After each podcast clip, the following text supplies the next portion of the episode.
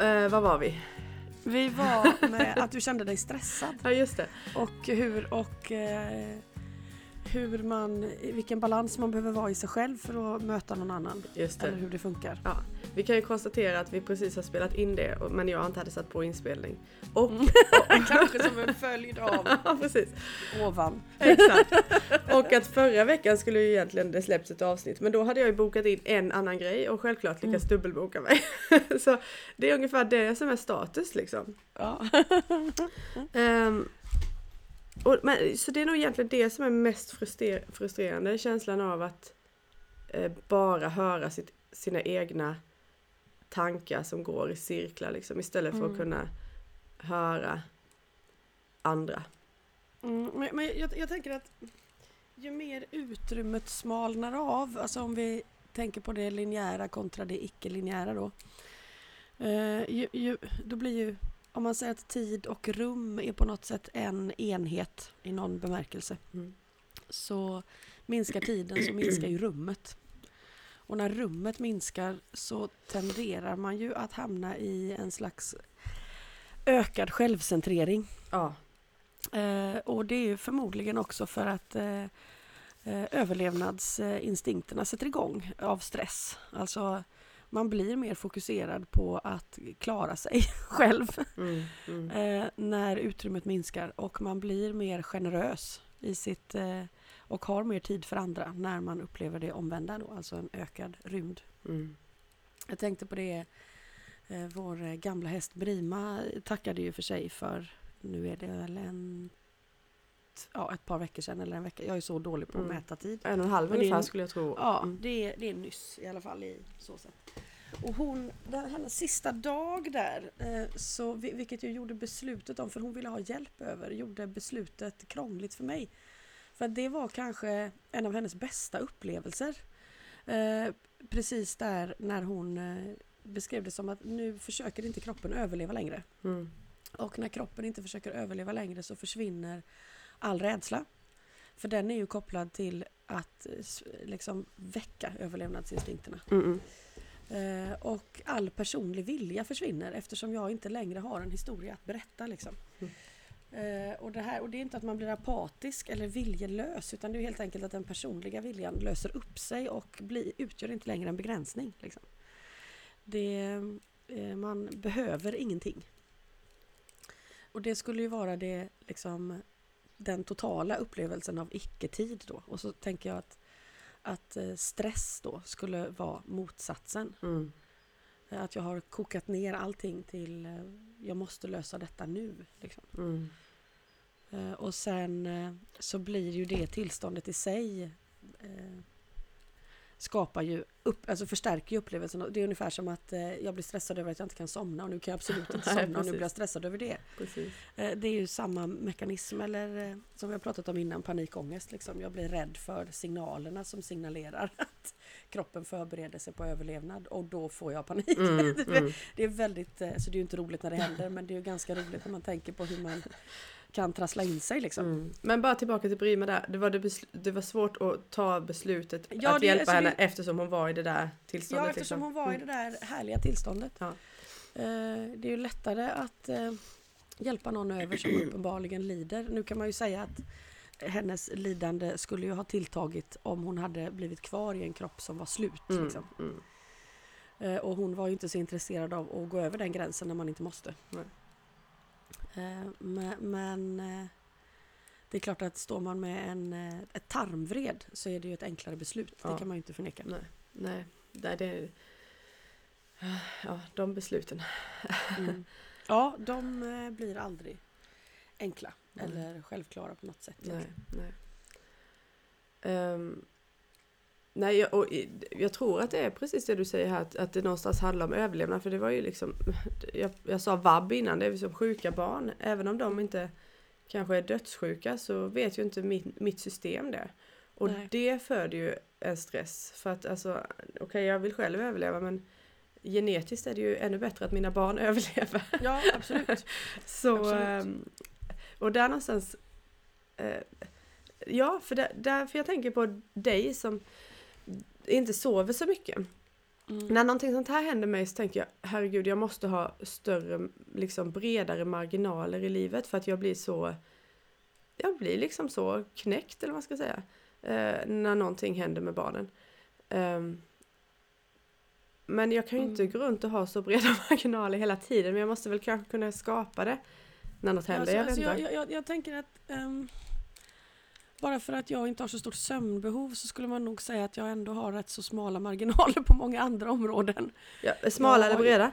Smala. Alltså jag, jag har ju som vi uppenbarligen vet för det här laget i podden inte ett superstarkt psyke liksom. Nej de är smala så, över, överlag ja. Mm. Ja, mm. så, så att just att jag har begåvats med ett litet sömnbehov är kanske...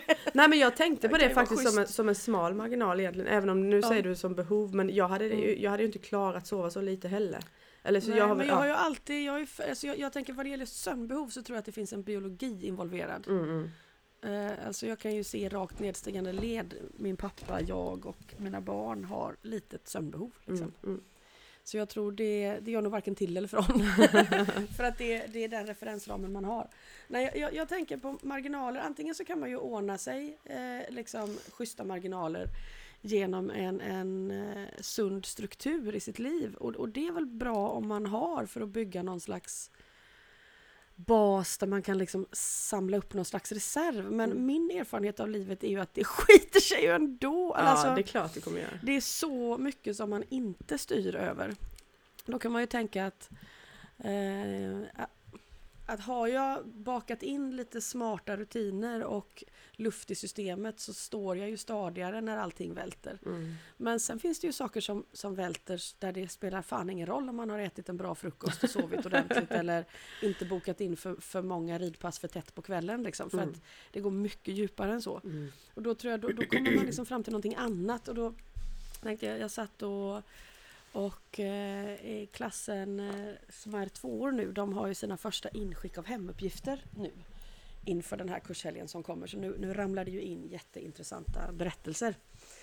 Eh, ofta inlämnade med en viss neurositet då, eh, förstår man. Eh, men eh, en där, för det handlade bland annat, en av uppgifterna handlade om tyngdpunkter. Eh, och hon, hon beskrev ju att hon hade hittat en tyngdpunkt i förhållande till en häst men när hon hittade den så insåg hon att den var inte tung, den vägde ingenting. Den var, den var lätt, den fick plats med allt. Mm.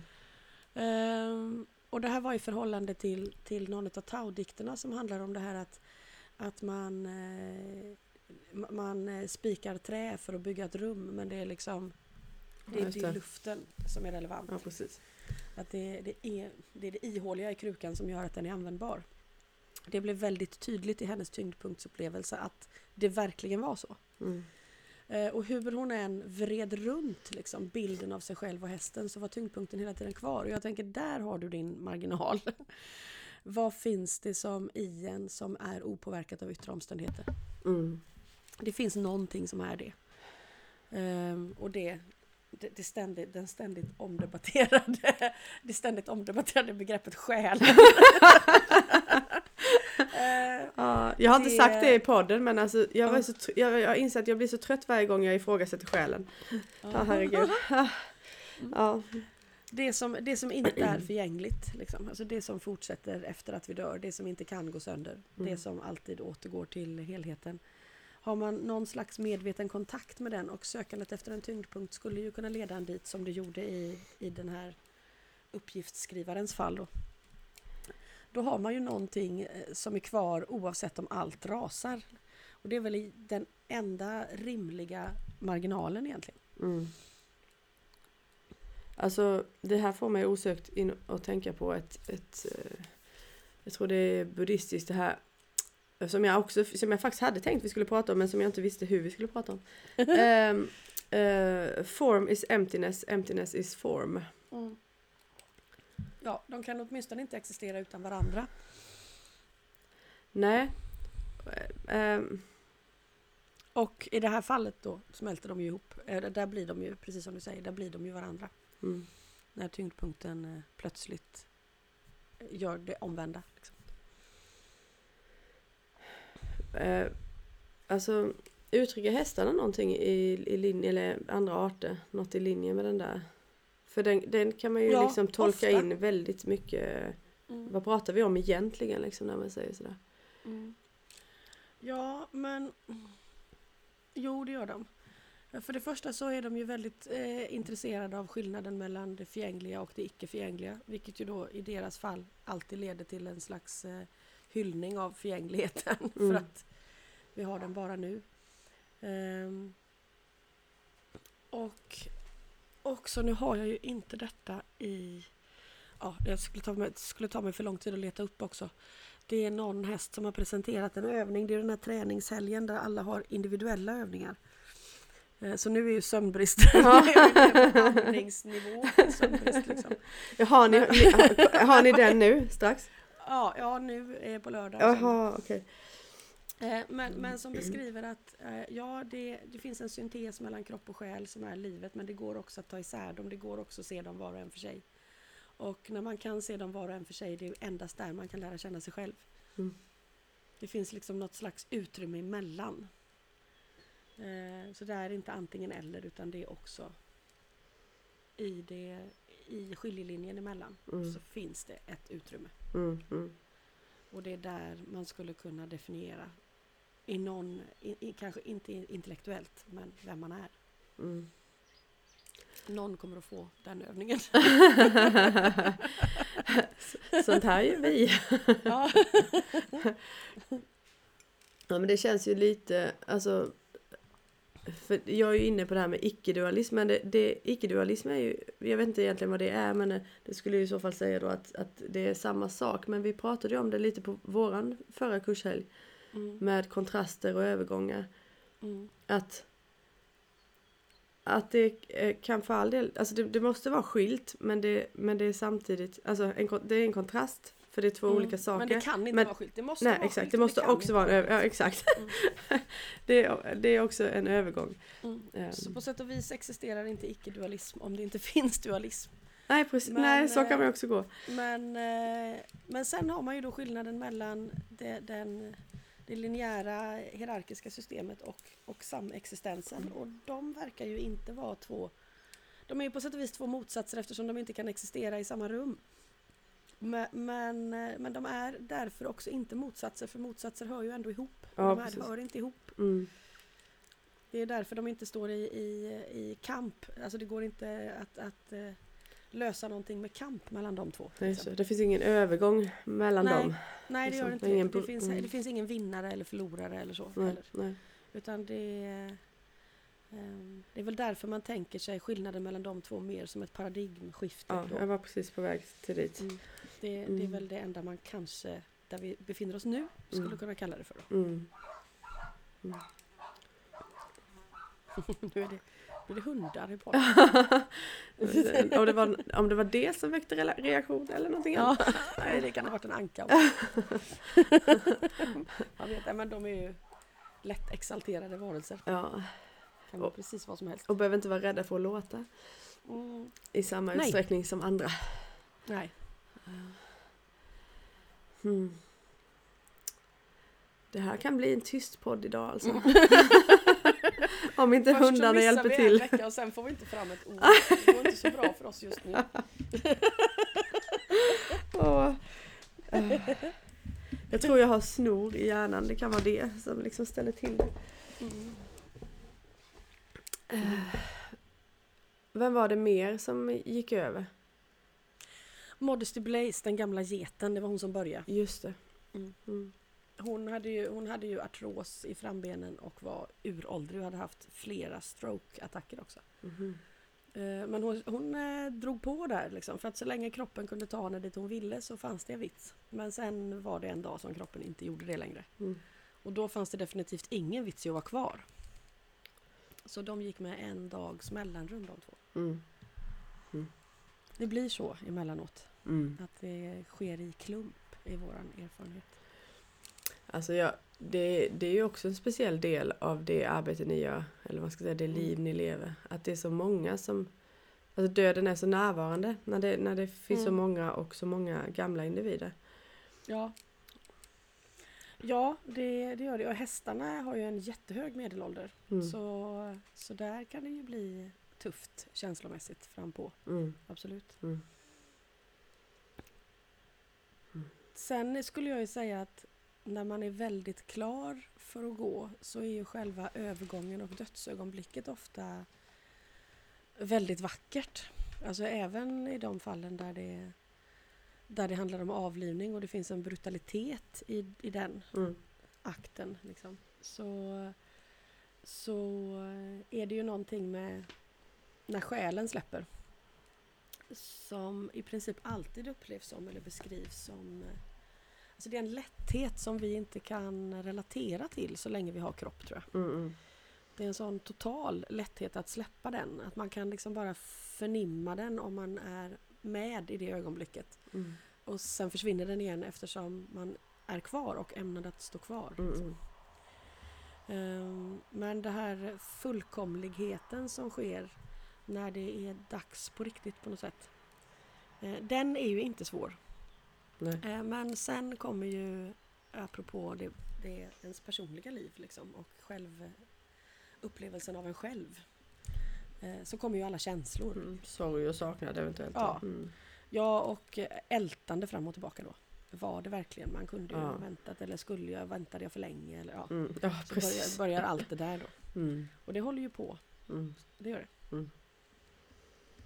Mm.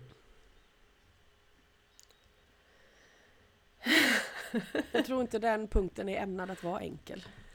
Det, ja, det är väl om den var det. Alltså framförallt när vi ska gå in och, och, och höra, alltså det har vi pratat om lite tidigare i podden, om man ska liksom hjälpa, hjälpa någon över. Mm. Det kan ju inte vara lätt. Vem var det som sa till dig, var rovdjuret liksom? Det är du som är rovdjuret. Ja, det var ett får som sa det. Mm. Eh, och som också sa att ett rovdjur hade inte stått ut med att se mig lida. Liksom. Ett rovdjur som var sann mot sin natur skulle inte ha stått ut med att se mig lida. Nej. Eh, och då fick, jag, då fick jag ju skärpa mig liksom. Mm. Undrar vad vi är där egentligen, alltså som, Mm. som människor. Hur, hur mycket rovdjur och hur mycket ja, herbivora höll jag på att säga, är vi liksom? Mm. Ehm, Alltså rent biologiskt är vi ju blandkostare. ja, Om det skulle spela någon roll. Alltså vi har förmåga att bryta ner ja, precis. lite allt möjligt som grisar. Mm. Eh, Men vad det gör med, vår, eh, med vårt förhållningssätt.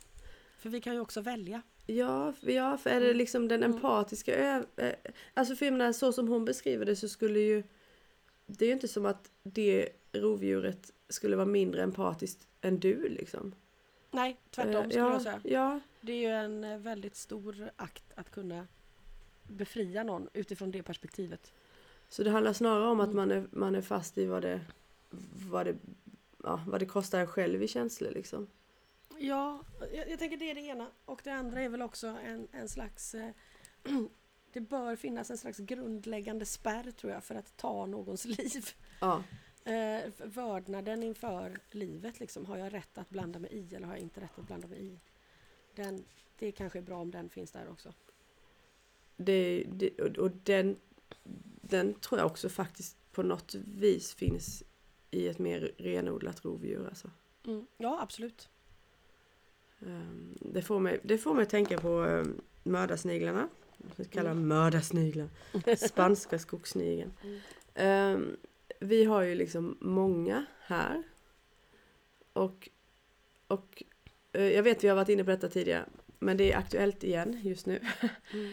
Och där, där finns ju, jag kan liksom rent intellektuellt, intellektuell så kan jag rationalisera att det är bättre att jag odlar våra grönsaker här och att jag därmed dödar ett antal sniglar än att de odlas någon annanstans och att eh, åtminstone samma mängd sniglar dör.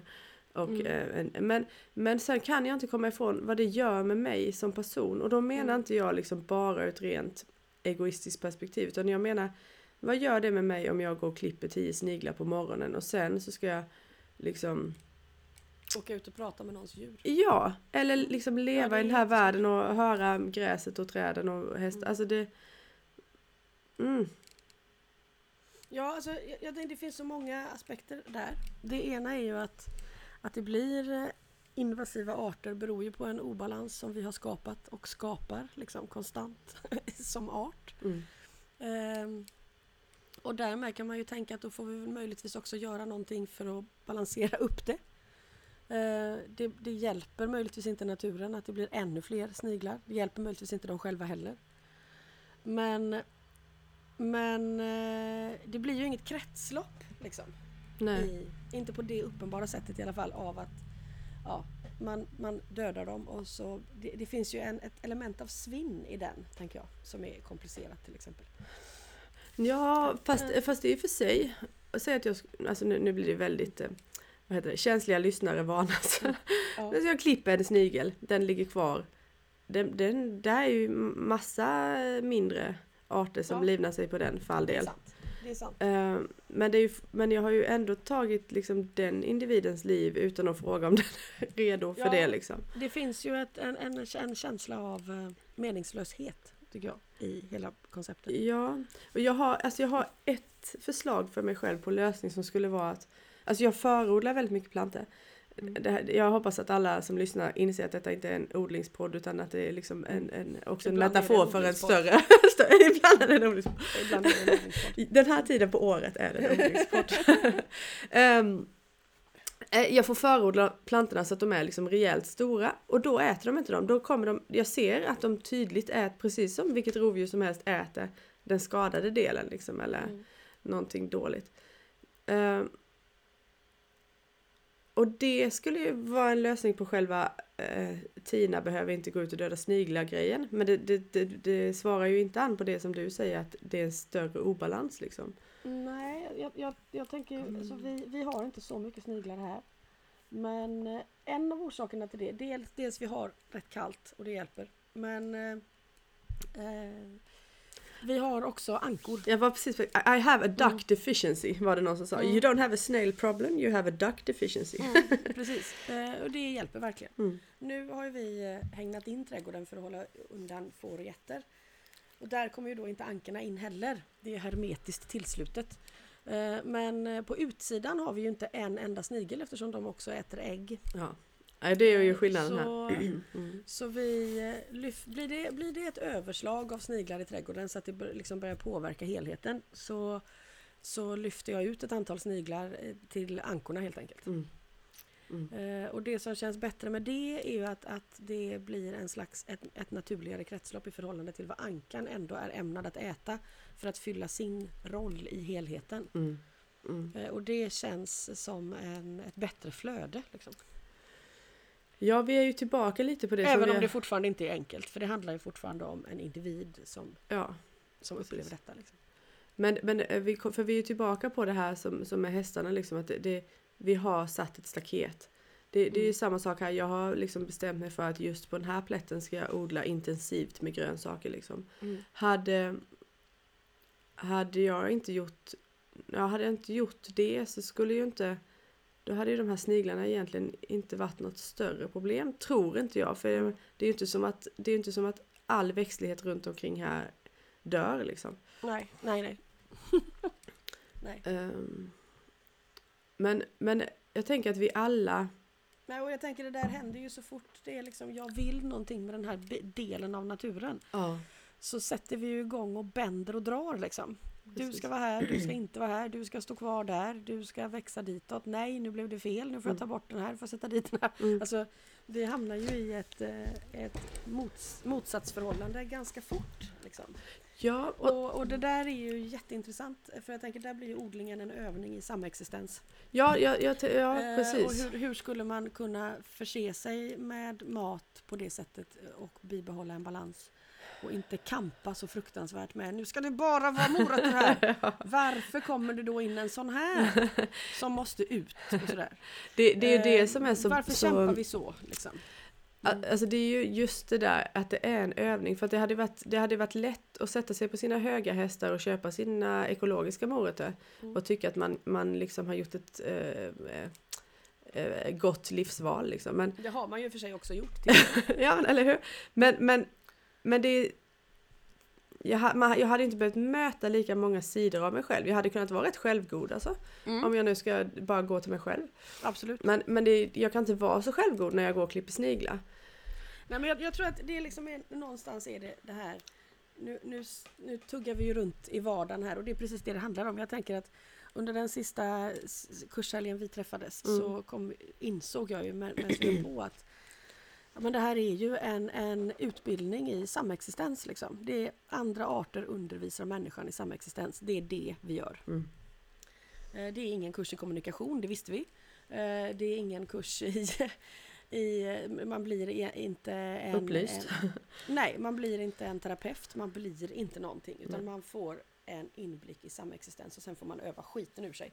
Och övandet består ju av alla de här små dilemmana. Liksom. Vad gör mm. jag med den här snigeln? Vad gör jag med min odling? Hur ärlig ska jag vara med mig själv? Alltså, så fort vi, vi får liksom glimtar av det här samhörigheten som är så svår att beskriva. Därför att den, så fort den linjära hjärnan ska ta in någonting som pågår parallellt, samtidigt, mångfaldigt, eh, så tappar vi tråden. Alltså vi får en, den här lilla bilden och ibland en, en total fullkomlig ordlös känsla. Eh, och sen är den borta igen. Mm. liksom. Mm. Eh, och, och sen är det att öva hela tiden. Mm. Jag, jag, tänker det, det är ju det Ja, det är det vi, vi kommer till. Om vi odlar eller jobbar i en fabrik eller bor i stan eller bor på landet eller har djur eller inte har djur. Eller, det, vi övar där vi står liksom. Mm. Ja, ja, och det kanske en del av övningen är att upptäcka övningen. Mm. alltså någonstans att man, mm. att man går in i det, deltar. Finns, liksom. det, finns det ett perspektiv i den här situationen som för mig närmare samexistens? Mm. Och vad finns det för perspektiv i den här situationen som för mig därifrån? Mm. Eh, och sen vet man kanske inte förrän man provar. Liksom. Det är ju tack och lov att eh, naturen är så empatisk och generös att vi får chansen att öva överhuvudtaget. Ja. Kan man tänka. Mm. Den kommer ju tillbaka igen direkt när vi har härjat runt en stund. Liksom, tack och lov. Ja, verkligen. Alltså bara, mm. bara ta, om vi återgår till gräs. Alltså vi har ju Eh, som vi har pratat om tänkt att det är naturligt för hästarna att gå på så stor mark som mm. möjligt och hägnat in allt. Och sen upptäckte att det blev inte så bra. Men som nu då så har vi ja, stängslat av ganska mycket och jäklar vad det växer liksom. Mm. Trots att vi ett antal år har fullkomligt överbetat. Men det, det kommer ju igen på, mm, bara, på bara några veckor egentligen. Mm. Sen är det klart att det tar längre tid att återhämta jordlager och så vidare men, men, eh, men spiralen vänder om man säger. Ja, och det finns ju en sån storhet i den kraften där. Man blir ju helt... Eh, ja, man blir ödmjuk inför den. Alltså egentligen... Alltså fotosyntesen. Mm. Jag vet att det inte är magi, men det känns ju som magi.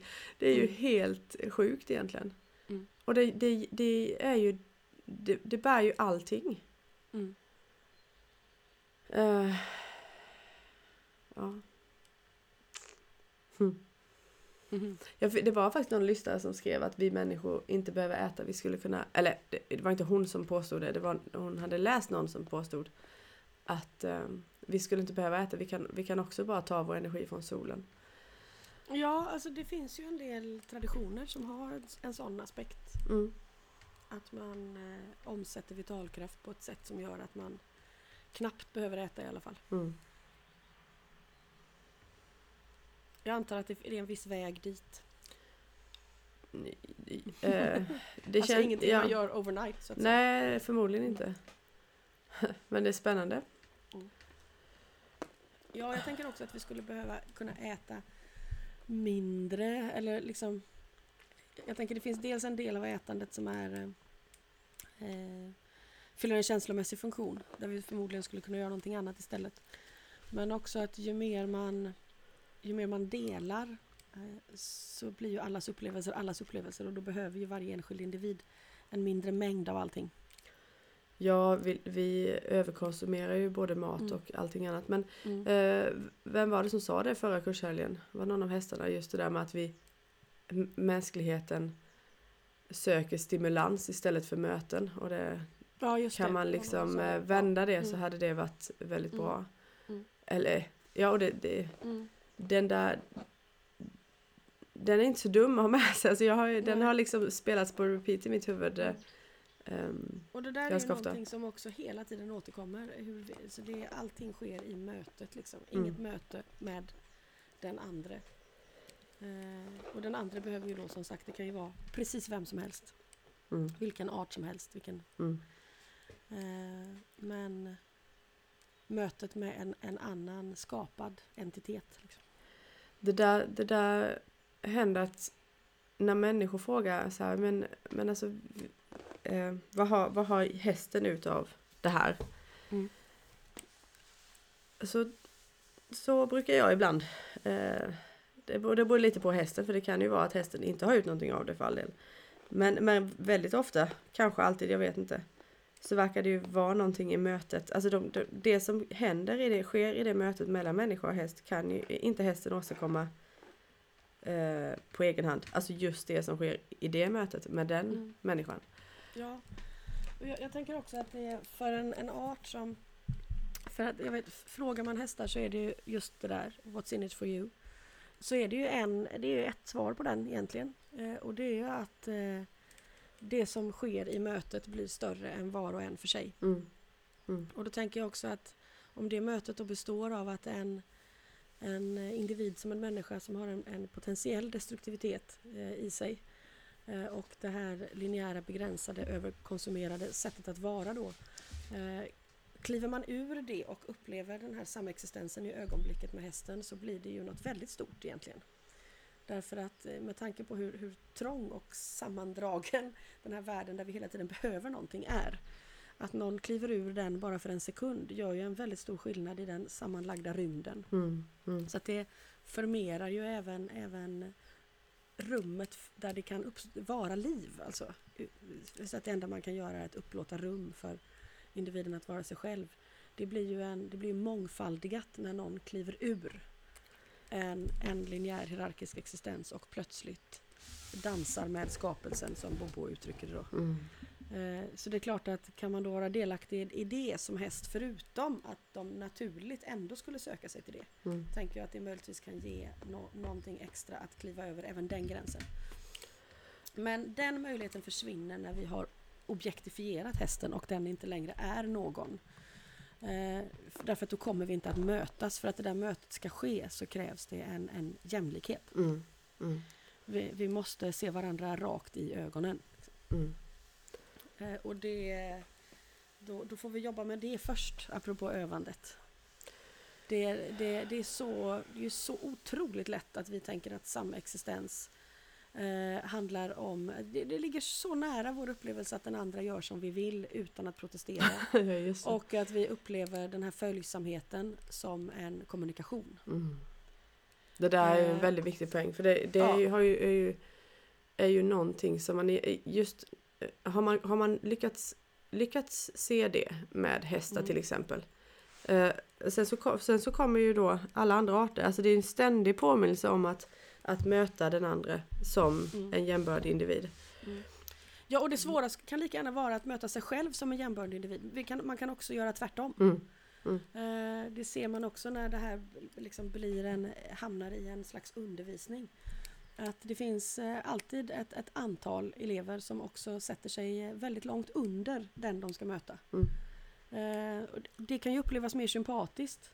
Men eh, det blir fortfarande inget möte. Nej, vi, vi är kvar i samma Ja, hierarkiska Mm, system. det, ja, det är samma hierarkiska system och det Mm. finns en viss självcentrering i att göra ner sig själv. Mm.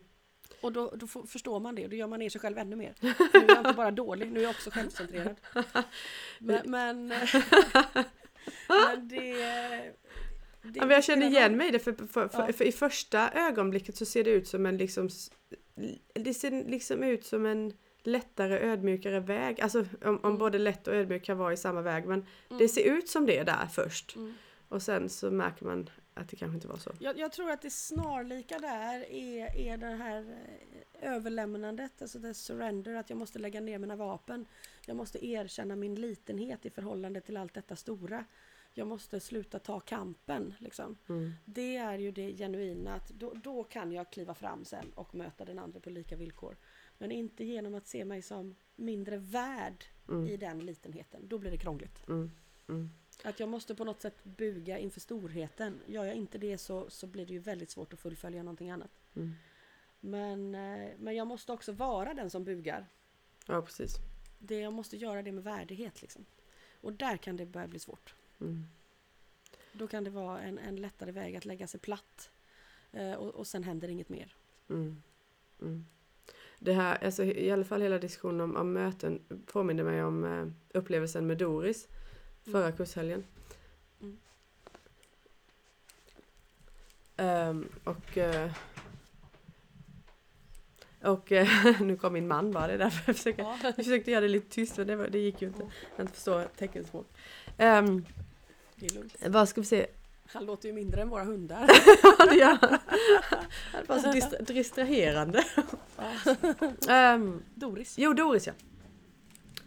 Eh, jag kommer faktiskt inte ihåg övningen nu. Jag minns bara att hon liksom uttryckte den här att i, att det, i mötet skapas världen. Mm. Eh, på ett rent, alltså på ett delvis i alla fall materiellt plan också. Mm. Ja, Och det var, det också- var ju väldigt, ehm, för mig var det ju mindblowing. Mm. Ja, men jag, jag tror att när de beskriver det för oss så beskriver de det som något väldigt konkret. Och det är där jag tror, liksom, apropå förhoppningar om att saker kan bli bättre och sådär. Att, ja, men det finns en konkret skaparkraft i samexistensen. Det är ju det som gör att hela planeten lever. Liksom. Mm, mm. Eh, det sker någonting i mötet som är faktiskt.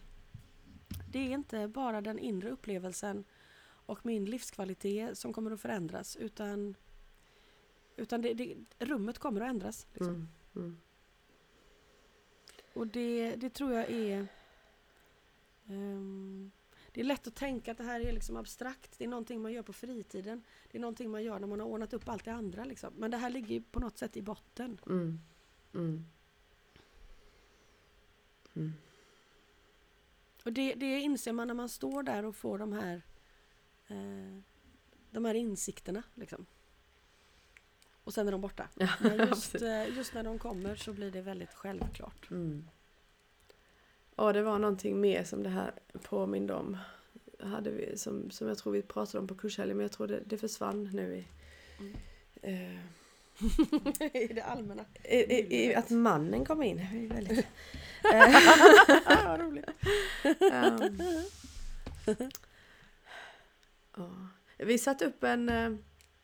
Jag har pratat om bin ibland ju, men vi har, eh, igår kom den första ihåliga stocken upp där, där bin, honungsbin ska kunna flytta in Mm. om de så väljer. Det känns lite Spännande. spännande. Mm. Kan du göra övningar med dem sen? Ja, i, i, i princip så kan jag redan göra övningar med bin Ja. för det har kommit en, en, eh, en kupa. En, en lite mer traditionell kupa då. Mm. Som, eh, ja. Ja, det har vi inte pratat om, men förra helgen så gjorde vi ju, alltså då var ju övningarna allt det här som vi har pratat om i, i podden lite innan med allt liv under jorden och Mm. ja, det var jag sa det, folk frågade så här, ja, hur var, var kursen bra? Här, ja, Bra är ett jättekrångligt ord i det här sammanhanget. Men det, jag, jag är så, jag är väldigt tacksam för att det kan fortsätta mm, överraska en liksom. Det är Mm. inte så att man bara, ja, vi kör samma en gång till. Alltså för, Mm. för på ett sätt gör vi ju samma sak hela tiden men det är ändå en, det är liksom ändå att eh, att man Ja, inte har det- varit där liksom. Nej men det tar liksom inte slut. Nej. Det, jag tänker på när jag skriver höfadderutskick, liksom 100 höfadderutskick finns det fler berättelser, det finns hur många som helst. liksom. Jag är hälften igenom den samtalstråden som är för många år sedan och den är fortfarande relevant. Liksom. Oj, oj, oj. Så, och sen, eh, jag tror det är 62 sammanlagt individuella övningar inför helgen. eh, eh, för ibland är man en och ibland är man två och sådär. Man får tre övningar var. Och då...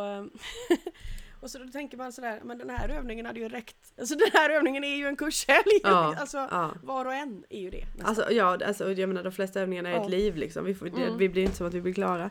Nej, Eh, så det finns att ösa ur, det är helt klart. ja. Och det är väl det där att ingenting som skapas är no- någonsin 100% likt. Nej, Sen jag, kan man ju säga att, att ja, varje övning är egentligen vem är du, vem är jag? Ja, för vi är ju lite tröga också. På tal om att lägga sig platt. Ja, men det är också det som är, det är det som är hela livet, att det finns ett du och ett jag. Det är det som är, jag fattar ju att livet går igång på det. ja, ja. Att, att det går att möta någon som inte är en själv, det är ju så fruktansvärt fascinerande. Så det räcker ju hela vägen fram liksom. Mm. Att det finns främlingar, liksom. Mm. fast vi är samma. Det är ju jättekul. Och då, jag menar, och då har vi ändå hoppat över hela steget av att men om man sätter sig och blundar, jag, för mig brukar jag behöva blunda, och så tänker man på liksom att man är ett litet späck i universum som Mm. åker runt och upplever saker. Mm, jag vet! Alltså, då har jag inte ens mött någon än. Utan det är bara genom att jag Ja. har en, ett medvetande så Ja. upplever jag typ sjukt mycket bara genom att sitta och blunda. Mm. Ja, det är helt galet. Ja, det, det är Det alltså, det är, helt sånt galet. över, det är ett sånt överflöd. Det är, en sån, alltså, det är ett sånt eh, abundance, det är en sån generositet. Ja, ja precis. Att för det hade ju liksom kanske det- kunnat bara räcka där liksom. trycker ner upplevelser över dig. Och så kanske du får med dig två, tre stycken och sen var det livet klart. Liksom. Ah. Men en, vilken grej! Det Ja. bara strömmar på. Ja, på, på tal om att det där Mm. att vi, eh, vad var det du sa, vi kanske uppfattar en bråkdel liksom. Mm. Både av eh, det som sker i mötet med andra men också det som, ja, all, på ett sätt är vi ju allting möten då. Mm. Men mötet med sig själv också. Mm. Eh, Det är ju, det är ju en, en minut liten del säkert. Ja, och så harvar vi liksom runt Ja. ändå. I sådär, Ja. åh nej, så här ska det inte vara. Varför det, ja, det, det är spännande liksom hur det... Men det konstiga där, Man kan platta till det här på så kort tid ändå också. ja för det, också. då är vi tillbaka lite på Mm. inledningen av dagens samtal ju. Alltså Mm. den här eh, stressen eller vad det nu är som plattar till det. Hur, hur Mm. fan kan man liksom man kan ha både upplevt allt det här som vi nu pratar om och intellektuellt eh, veta om det. Mm. Eh, men ändå. Man trillar Så- dit ändå. Man ja, trillar dit hela mens man, tiden. mens man tänker. Liksom. Ja. Ja, det gör man. Så är det. Så är det. Och det, då tror jag då är vi tillbaka igen på meditation, bön. Ja, Ja. Vi, vi måste... Vi, vi tänker liksom sådär att det är en resa sådär. Jag lägger ner mina vapen, jag överlämnar mig, jag erkänner min litenhet, jag tas emot av skapelsen. Sen är det Och gjort. nu är det gjort. Nej, nu är det gjort en gång. Sen kanske du gör det fem, tio gånger på en dag då. Ja. Om, om du, om du har Ja. tur liksom. Ja, Mm. ja. Jag har börjat... Och det, och det, och det vet jag Fanny beskrev för någon, och det är att, att man går över den där tröskeln liksom, fram och tillbaka, fram Mm. och tillbaka, fram och tillbaka. Då beskriver hon, då för man liksom den här världen och den andra sidan hela tiden närmare varandra. Hon hade en väldigt spännande bild av Mhm. det här som i kristendomen också eh, kallas för, eh, eller uttrycks som att paradiset är här, eller Mm, det är mm. redan här till Mm, exempel. mm. Eh, Att, att, och Fanny beskrev det rent konkret som att ja, men den här sidan och andra sidan kommer kanske inte alltid att behöva vara skilda åt. Mm. Utan går man över gränsen tillräckligt många gånger, man föds och dör, man föds och dör, man föds och dör. Till slut så kanske det där börjar smälta ihop. Mm. Det kanske är så att vi liksom hela tiden plockar hem lite av den andra sidan hit. Och till slut så blir den här sidan inte längre en spegling av som månen reflekterar solens ljus av andra sidan. Utan den, paradiset är här, Mm. Mm. konkret. Mm. Det är... Och det, vi vet inte hur det skulle se ut. Det vet vi inte. För Nej. att det, men, man, men det var en eh, mindblowing svindlande tanke på att ja, tröskeln mellan liv och död. Jag tänker på Bobo som också sa liv och död är inte motsatser. Liksom. Nej. Nej. Att eh, ja, till slut så kanske det kanske är det som är samexistens i, det, i dess ultimata form. Liksom.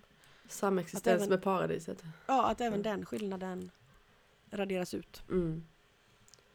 Raderas ut. Nej, nej, att jag- man ja. går vägen så många gånger att man blir en bärare av Mm. snarare. Mm. Snarare det. Mm.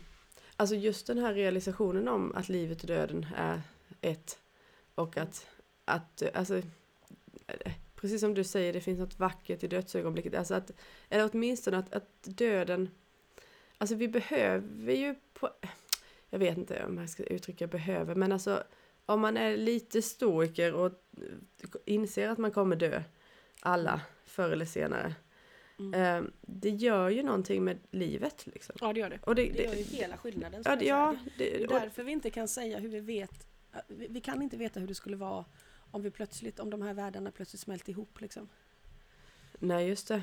Det, det, det kan vi inte. Det, det är helt abstrakt för oss där vi står. För Mm. att hela vår begreppsvärld baserar sig på den här övergången.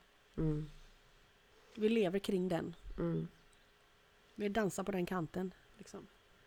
Vare sig vi känner oss unga och odödliga eller omvänt. Mm. Så är det samma kant. mm. Och det kommer att förändra allt i hur vi ser på tillvaron. Liksom. Mm. eh, du pratar om meditation och där, den, det som den läraren, eller vad ska jag säga, för, för att ha eh, något ord på det, som, Vart är det där med orden? ja, som jag på. mediterar eh, kring delvis. Ja. Eh, där, där är det ju också, precis som att paradiset är här, eh, som Fanny säger, eller, eller ligger nära. Mm. Det, de säger också att, alltså, nu är vi på medvetandet då, innan själen. Det är redan öppet. Alltså det är Mm. redan, det, Ja. det finns ingen gräns. Det finns liksom inte, Mm. alltså det är redan det där som många tänker att de ska uppnå. Men det är redan, Mm. man måste bara Mm. uppleva det. ja, det är redan där. Det är Frågan redan där. Var är jag? Liksom. Ja, och, exakt. Och det, det är ju den intressanta frågan. Mm. Men, eh, men då menar ju Fanny också att eh, apropå det konkreta i att praktisera samexistens att hon måste ju rimligtvis ha tuggat sig över den tröskeln annars kunde hon inte vittna om den historien. Så för henne är det ju uppenbarligen öppet och ingen kant. Just det. Eh, men om tillräckligt många Mm. börjar att mala ner den där kanten då händer ju också någonting med den gemensamma realiteten. Mm. Mm. Ja, det där är väl också en Mm. sån där sak att, eh, att vi, vi inte ser verkligheten som den är utan som vi är. Och ju, Mm. ju fler av oss som har gjort Fannys eh, resa Mm. d- då, då, då måste det ju också liksom avspegla sig i systemen i världen eller vad man nu ska kalla det. Ja, Kulturen liksom. Ja, och, och man blir mindre meddragen apropå det här med att tyngdpunkten egentligen är en tom punkt som ingen kan komma åt. liksom. Att, eh, men då blir jag inte heller lika manipulerbar. Eh, Då blir jag inte dragen i åt olika håll. Jag kommer inte själv att liksom förstärka eh, förtrycket av andra eller av mig själv. mm, Jag tänker att i, i den linjära världen så talas det ofta om att det finns naturliga ledare och naturliga följare och det är så det ska vara. Liksom. Ja, det finns ett sådant system men jag vet inte om jag skulle kalla det för naturligt. nej, precis. Och när man slutar att leda så slutar man också följa. Man slutar med båda. Mm, mm. Man slutar inte med den ena. Det- Apropå det där att tar du bort straffet så tar du egentligen också bort belöningen för att eh, inget annat är egentligen rimligt. Kan du utveckla det här lite, dina tankar? Ja, att, att eh, om man styrs av negativa eller positiva beting så är det fortfarande bara två ändar på Ja. samma galna Ja, ja. snöre. Ja, absolut, absolut. Så, så det intressanta är ju att ta bort snöret. Mm, mm. Och vad händer då? Vi fick faktiskt en lyssnarfråga på det där. Mm. För, att, för att hon, lite som vi ändå alla har upptäckt att när, när man möts på det där sättet så, så, bruk, så händer det eh, inte så osällan att, att man också vill göra någonting tillsammans, alltså båda Mm. parter. Mm. Och då, då är den där frågan som vi har, vi har kört några varv i och för sig men det kanske har uppstått någonting nytt. Hur gör man det då? Ja, och- Ja, för man har ju precis, vi har ju precis då tagit bort äh, Mm. de här vanliga. alltså lite, lite förenklat får man ju nästan säga att det ger sig själv. ja. Inte för att det bara uppstår men, men för att eh, jag, jag tänker att vi har det vi gör för att vi tänker att vi borde till exempel. Eller, eller det vi gör för att vi helt enkelt i brist på fantasi inte kan komma på någonting annat att göra. Mm. Eh, men har du liksom två fria individer som kan välja Eh, då är det ju troligt att, det kommer att, att en idé kommer inifrån som troligtvis är kopplat till eh, eller ligger nära vem jag är innerst inne. Och, eh, och som troligtvis då också kommer att, att leda åt hållet samexistens därför att det är ändå dit livet strävar. Och sen hur det omsätts i praktiken. Sen, sen betyder inte det att man flyter runt på en härlig räkmacka där vi liksom hästen går framåt utan att jag behöver göra något eller sådär. Det kan ju komma otroliga prövningar där. Ja. För att okej, nu är du redo för att börja öva får vi se vad som händer. Mm. Eh, vi, vågar du ta i? Eller ska du inte ta i? Ska du, ja, Mm. ska du ha en åsikt? Ska du inte ha en åsikt? Mm. Eh, samma utmaningar fortsätter ju även efter den punkten, bara att de kommer ur en annan källa. Liksom. Alltså, det, Om, om man innan gjorde alla de där sakerna för att göra rätt eller för att vara till lags eller för att bli duktig eller så kommer ju prövningarna nu istället för att lyfta fram vem man är. Liksom. mm. Eh, och, och, och då är det sådär, jag tror att man ändå måste tillbaka till, man, man får pröva sig fram. alltså jag tänker på det, om jag tänker på våran Man måste resa här våga framme. pröva. Ja, ja, det tror jag också. Men om jag, bara- jag kan ta Oskar till exempel. Han har ju Han har ju helt lagt ner det här med eller det har han ja men delvis. Om jag säger nu ska vi gå ditåt med liksom en, en ledande tygeltag. Mm. Och sen, ja det där är ju tryck, ja då ska vi gå åt andra hållet. Mm. Men, men, men det, det, är inte det viktiga egentligen, utan den stora skillnaden är att om jag får Alltså om jag sitter upp på honom och det är ett gemensamt beslut. Då har jag har, då, då, på något vis så har han också hjälpt mig skala bort att vi är ute på en runda. För att när jag är ute på en runda, då är jag inte precis där jag är, utan då är jag alltid ute på den där rundan en bit före. Mm. Så han har ju tagit med mig liksom på, på eh, promenader i skogen där jag aldrig har varit fast det här känns mm. som jag har sagt det men det spelar ingen roll. Mm. Eller Aust som liksom fem gånger nu, nu behöver du, nu behöver jag att vi rider men eh, du får helst inte eh, du, ska, du ska liksom hålla dig undan typ. Så jag behöver mm. bara öva på att hitta min kropp igen. Och sen mm. var det färdigt. Eller, men, men när jag försökte fråga henne då, hur ska det här gå till? Då var, liksom, då var det inte så jävla viktigt hur, det var, det var en liten irriterande fluga i det stora hela. Ja, ja och sen så kan, jag förstår precis vad du menar, sen för någon annan så kan hur var jätteviktigt säkert ja. Var jätteviktigt mm. därför att det finns i andra änden av att jag väntar och låter rörelsen eller det som ska ske stiga upp inifrån så finns eh, precision. Mm. Uh, jag, jag, och de här behöver inte vara intressanta för samma person. Alltså, nej, nej, jag förstår. Det, det kan vara helt individuellt. Men i precisionen så finns ju också den här att du går till den minsta, minsta, minsta, minsta kärnan och där vänder det och öppnar sig. Mm. Och, då, och då kan ju övningen kräva en exakthet utan dess like liksom. Eh, för den individen som går den vägen. Mm. Jag tror att nyckeln egentligen är att fortsätta om man, om man märker att man mm. Alltså man har, börjat, man har mött som individer och man märker att man i görandet liksom tappar det. Mm. Så är det nog för, för mig i alla fall varit att hela tiden återvända till det. Mm. Det är fortfarande du och jag här. Mm. Uh, det är liksom viktigare än ja, någonting annat egentligen. Mm. Ja, vi har ju liksom valt att dela rummet. Vi är ju båda där. Liksom. Mm. Så jag skulle säga att man kan egentligen göra allt om det är relevant. Det kan mm. också plötsligt bli irrelevant att göra något. Mm. Och man skrattar ihjäl sig åt idén om att göra något. Eh, eller så blir det verkligen, eh, inte på liv och död, men det blir eh, extremt relevant med den där jättehöga närvaron liksom, mm. mm. i precision. Och allt däremellan då. Det här är ju inget behjälpligt svar för den här brevskrivaren. Kanske. eh, men, men, eh, men jag tror att det är viktigt att tänka att ja, men det är inte så att man hamnar i att man inte kan göra någonting. Det är ju att din, din vilja kommer uttryckas ifrån en plats inombords eh, där personlig vinning spelar mindre roll. Och då blir ju viljan inte så personbunden utan kanske mer styrd av vad som faktiskt är bäst för alla parter. Mm. Mm. Så att ens önskningar kommer ju påverkas av att man blir mindre självcentrerad, så är det. Ja, precis. Eh, på tal om att det inte är något svar, men eh, det var Anisette som ställde den här frågan, hon har frågat saker innan. Så skrev hon så här, tack för alla fantastiska icke-svar ni för fram. det är verkligen givande om än förvirrande. Ja. det vill säga utvecklande. Ja. Eh, så, så hon verkar vara med på banan liksom. Mm. Just vad det gäller våra Mm. Eh, icke-svar då. Ja. Mm.